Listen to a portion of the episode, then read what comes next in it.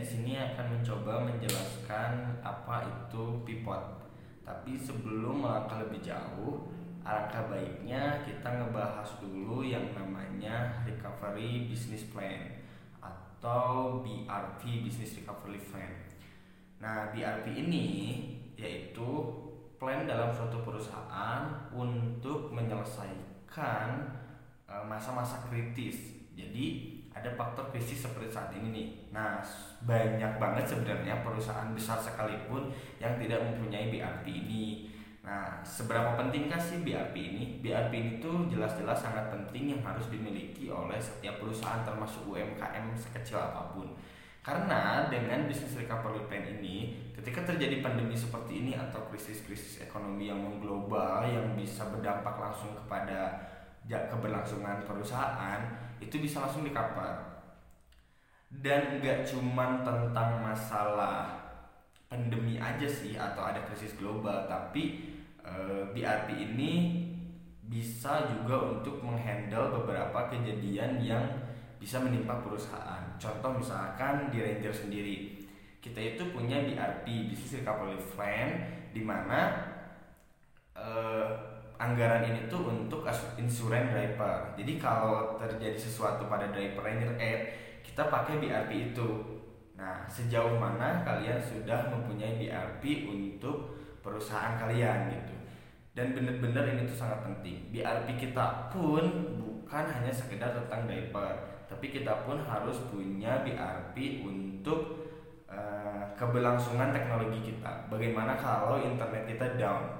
Bagaimana kalau pelapon kita error? Bagaimana kalau pelapon kita dibajak dan hal lain sebagainya? Bagaimana kalau Google bangkrut terus kita nggak ada di Play Store? Terus hal-hal lainnya yang memang hmm, meskipun Google nggak bisa dibilang nggak mungkin ya untuk bangkrut, tapi apa pun kan bisa terjadi. Nah, bagaimana yang dari online ini kita udah bisa geser ke offline atau yang offline ini yang core bisnisnya di offline seperti misalkan kalian dagang bakso yang emang di apa namanya di depan uh, di ruko misalkan di ruko offline gitu kan. Terus sekarang kan terjadi yang namanya uh, pandemi nih. Nah kalian ini harus bisa uh, mempunyai bisnis recovery plan. Nah bisnis recovery plan ini tuh harus ditentukan dulu prioritasnya seberapa apa prioritas apa yang memang harus diutamakan terlebih dahulu agar perusahaan tetap berjalan? Contohnya tadi kayak Ranger kalau diaper nggak ada Ranger pasti nggak jalan. Makanya insurance pertama kali itu apa dulu? Prioritas utamanya itu apa dulu agar perusahaan itu tetap berjalan? Itu sih yang dimaksud dengan bisnis recovery plan. Tapi nanti saya akan coba bahas di emang episode full tentang bisnis recovery plan Nah, kalau yang saat ini yang akan dibahas itu memang uh, yang langsung berhubungan dengan pandemi ini saja gitu, termasuk kepada pelaku UMKM. Nah, yang dimaksud dengan people yaitu uh, perubahan core bisnis, inti bisnis kalian untuk the next level. Misalkan gini, uh, kalau sebelum pandemi misalkan ya, kalau sebelum pandemi core bisnis kalian itu misalkan di uh, anggaplah aku buka resto fast food nih misalkan ya. Yang uh, fast food itu misalkan ada burger burger biasa lah ya frozen biasa burger. Terus uh, penggemarnya itu kesukaannya itu burger seafood. Nah ketika kita pindah haluan ke seafood gitu kan daripada food ini dan seafood ini berubah kan korenya jadi berubah kan. Inti bisnisnya ketika jualan fast food jadi ke seafood gitu kan. Jadi ke makanan laut. Dan ini langsung laku keras. Dan ini bisa jadi core bisnis itu. Jadi core bisnis kalian core bisnis perusahaan. Nah ini yang disebut dengan yang namanya pivot bedakan dengan inovasi. Kalau inovasi itu misalkan burger kalian jadi burger seafood misalkan masih tetap ada burger burgernya sih itu menurut aku inovasi bukan ke pivot kalau pivot itu lebih ke core-nya intinya banget berubah gitu bisnis kalian tuh berubah.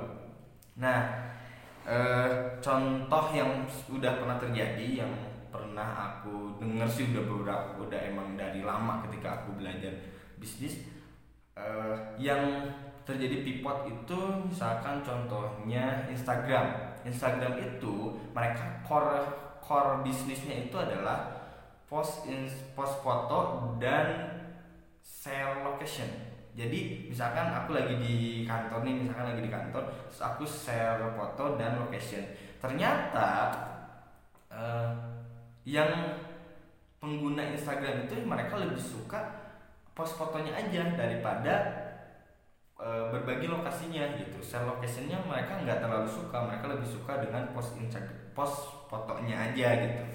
Nah Instagram di situ mulai mulai melakukan pivot, mulai melakukan perubahan core bisnis di mana e, customer base mereka lebih menyukai apa namanya lebih menyukai post foto daripada sell location. Makanya sekarang Instagram menjadi uh, apa namanya share foto terbesar kan di dunia gitu jadi nomor satu di dunia. Karena mereka melakukan pivot itu Nah, sebenarnya kalau sebelum pandemi itu melakukan pivot itu perusahaan ketika sedang apa sih? Sebenarnya enggak e, enggak pasti berhubungan dengan krisis ya atau misalkan lesunya pasar atau pertumbuhannya enggak terlalu tinggi gitu, enggak bergairah banget atau pen, pasar udah mulai menolak nih, udah mulai nggak suka gitu kan dengan produk atau jasa kita. Makanya pivot di sini sangat penting gitu. Nah kalau dengan pandemi seperti ini dan terus banyak banget di sosial media atau di berita-berita kalau banyak banget perusahaan yang benar-benar tutup. Nah ini sih menurut aku pentingnya banget yang namanya bisnis recovery plan. Ranger sebelum jauh-jauh hari gitu bisnis uh, Ranger sebelum terjadinya pandemi ini kita benar-benar udah memikirkan yang namanya bisnis recovery plan. Kenapa? Karena kita itu benar-benar belum bisa mendapatkan penghasilan dari si rangernya ini sendiri, gitu kan. Sedangkan yang dapat penghasilan langsung secara insting itu kan si driver itu sendiri kan. Nah, justru kita di situlah e, kebaikan Tuhan untuk membuat bisnis recovery plan kita gimana caranya agar ranger ini tetap jalan meskipun kita belum dapat revenue, belum dapat penghasilan. Nah otomatis kita menyiapkan BRP ini nih bisnis recovery plan ini. Makanya kita menjalankan unit bisnis unit bisnis kita mulai dari bank sampah, mulai dari kedai juga ada kan. Terus dari Justik bahkan, terus warung digital, outlet factory. Nah ini tuh dijalankan untuk jadi BRP-nya si Ranger. Nah uh, Ranger apakah Ranger udah pivot atau belum? Belum karena Ranger ini masih dalam proses growth ya masih dalam proses perkembangan. Tapi yang lebih diaktualkan kalau Ranger itu lebih banyak ke inovasinya saja karena untuk saat ini belum bisa uh, apa namanya belum dapat core bisnis yang memang mantep untuk di si Ranger tersebut gitu. Karena kan kita itu lawannya tuh uh, user experience yang kurang gitu kan. E, masyarakat di desa itu kurang menggunakan teknologi gitu kan. Jadi kita belum bisa dapat ke pivot dan emang Ranger ini masih dalam tam, e, dalam masa growth dalam masa pertumbuhan. Bukan udah di atas terus lesu nanti kita pivot nah nggak menutup kemungkinan juga Ranger itu bisa pivot gitu. Itu bisa sekali apa pun yang terjadi. Intinya optimis seorang owner gitu kan optimis seorang owner itu diperlukan terus benar-benar harus yang tahu nah, namanya uh, collaboration atau strategi lah ya. Kalian benar-benar harus peka banget tentang apa yang terjadi. Nah bagaimana sebenarnya dengan UMKM yang misalkan jualannya itu dodol misalkan ya kan? Uh, apakah harus pivot atau seperti apa? Ya kita harus lihat dulu back uh, recovery-nya gitu. Prioritas prioritas perusahaan dodol itu seperti apa gitu. Kalau kalau kalau mereka perusahaannya punya tabungan misalkan nyampe 2 tahun ke depan gitu atau lima tahun ke depan bahkan itu kan nggak perlu melakukan pivot gitu. Tergantung sih kebutuhannya apa gitu. Apakah emang customer oh ya bisa juga tuh seperti ini. Misalkan si tukang dodol ini kan buka outlet gitu kan buka outlet Nah, adanya pandemi ini outlet terus tutup, tapi customer permintaannya terus dapat. Nah, apakah dia rubah jadi online? Gitu kan. Nah, ini yang harus dipikirkan gitu. uh, prioritas utamanya bahwa sebelum pivot pun kan kita nggak nggak asal ah daripada dagang beras nggak laku mending coba dagang minyak nah sebenarnya ini harus berdasar pada uh, core bisnis kita gitu harus berdasar dengan customer base juga customer base kita juga gitu. Nggak bisa ngasal langsung berubah haluan aja gitu. Tapi e, memang e, beberapa perusahaan yang udah besar banget itu memang mengkap e, melakukan pivot itu dengan hal-hal yang benar-benar ekstrim ya. Tapi mereka itu selalu berdasar kepada e, yang namanya customer base gitu kan. Makanya customer base itu sangat penting di video yang sebelumnya. Uh, contohnya ada yang nggak salah itu Nintendo. Nintendo itu dulu itu pernah jualan nasi loh, pernah jualan nasi, pernah jualan alat kebersihan kayak vacuum cleaner gitu. Sampai sekarang dia fokus di games dan nggak akan ada yang nyangka mereka dari jualan bungkus nasi dari nasi terus sekarang menjadi game terbesar sedunia. Makanya pivot ini sebenarnya pasti akan berdampak ketidaknyamanan sih kepada beberapa perusahaan karena mereka langsung mengubah arah atau core bisnisnya itu gitu kan. Uh, tetapi pada kenyataannya pivot ini benar-benar bisa membantu perusahaan untuk jadi semakin tumbuh. Nah, sebel uh, aku justru mau menekankan bahwa bisnis recovery plan ini tuh sangat penting dan pivot ini sangat penting di mana uh, tanpa ada revenue misalnya kayak sekarang nih Ranger itu bener-bener out unit bisnis Rangernya sendiri itu bener-bener total uh, bisa dibilang pending lah. Close dulu gitu tutup dulu. Tapi kita masih tetap berjalan tapi tidak menghasilkan revenue apa-apa. Nah uh, BRP kita itu membuat strategi di mana caranya kalau kita itu harus bisa jalan sampai satu tahun ke depan makanya sebenarnya Ranger ini uh, walaupun nggak dapat revenue nih nggak dapat penghasilan tapi kita udah bisa hidup sampai satu tahun ke depan gitu. nah selaku UMKM menurut aku penting banget ini gimana caranya kalian itu menentukan prioritas utama untuk uh, bisnis recovery plan ini prioritas utamanya apa agar perusahaan kalian jalan. Agar tetap perusahaan kalian jalan Nah, walaupun misalkan kalian gak dapat revenue, gimana caranya satu tahun bahkan lima tahun ke depan perusahaan kalian tetap jalan. Nah, ini yang emang harus di garis bawahi, harus benar-benar ditekankan dan harus mulai dirubah sekarang. Nah, sebelum kalau pandemi seperti ini kan uh, lebih ke krisis dan ke kekhawatiran ya maksudnya, karena siapa pun bisa kena. Nah, di sini tuh harus ditentukan yang namanya alternative decision maker atau pengambil keputusan setelah owner nih setelah owner. Misalkan eh, yang tadinya ngambil eh, yang tadinya misalkan jadi sosial media manager terus dia eh, misalkan amit-amit ya misalkan dia terkena pandemi terus eh, channel kalian itu cuma ada di sosial media nah sosial media itu cuma dia tuh yang megang. Nah itu harus ada alternatif decision makernya. Atau misalkan yang ngirim gaji nih yang memberi gaji misalkan ke karyawan itu si A si A nya itu misalkan terkena covid. Nah siapa nih pengganti decision makernya ini? Nah ini alternatif ini alternatif alternatif yang memang harus dijalankan.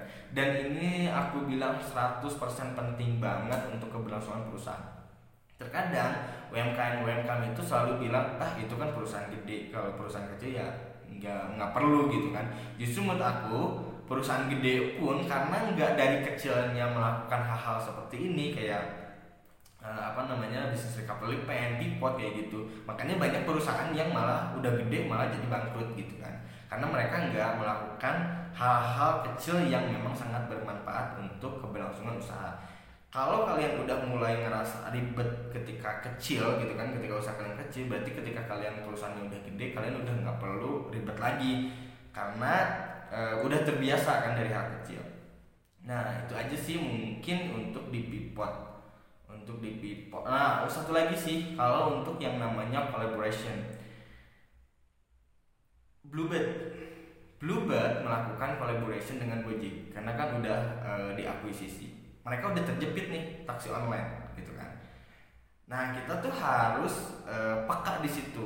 Kalau Bluebird nggak bisa kolaborasi dengan orang lain, dengan Gojek, pasti Bluebird mati serius pasti Bluebird itu mati karena Gojek mengeluarkan taksi online itu kan mengeluarkan uh, gokarnya itu kan nah makanya harus dibikin yang namanya taksi online-nya juga nih gitu karena menurut aku Bluebird di situ kalau melakukan pivot juga uh, belum tentu Bluebird ini bisa berhasil. Karena uh, dunia transportasi online-nya udah dikuasai oleh Gojek. Gitu. kalau misalkan Bluebird berubah jadi ada aplikasinya Bluebird online meskipun udah ada dan itu pivotnya nggak berhasil. Itu kan dari offline kan berubah jadi online ada aplikasinya. Tapi mereka lebih maju ketika kolaborasi dengan Gojek karena pasar udah dikuasai oleh Gojek. Nah ini pentingnya hard feeling dari seorang owner dari seorang uh, petinggi manajer-manajer yang ada di perusahaan tersebut. Itu sih yang pivot dan collaboration.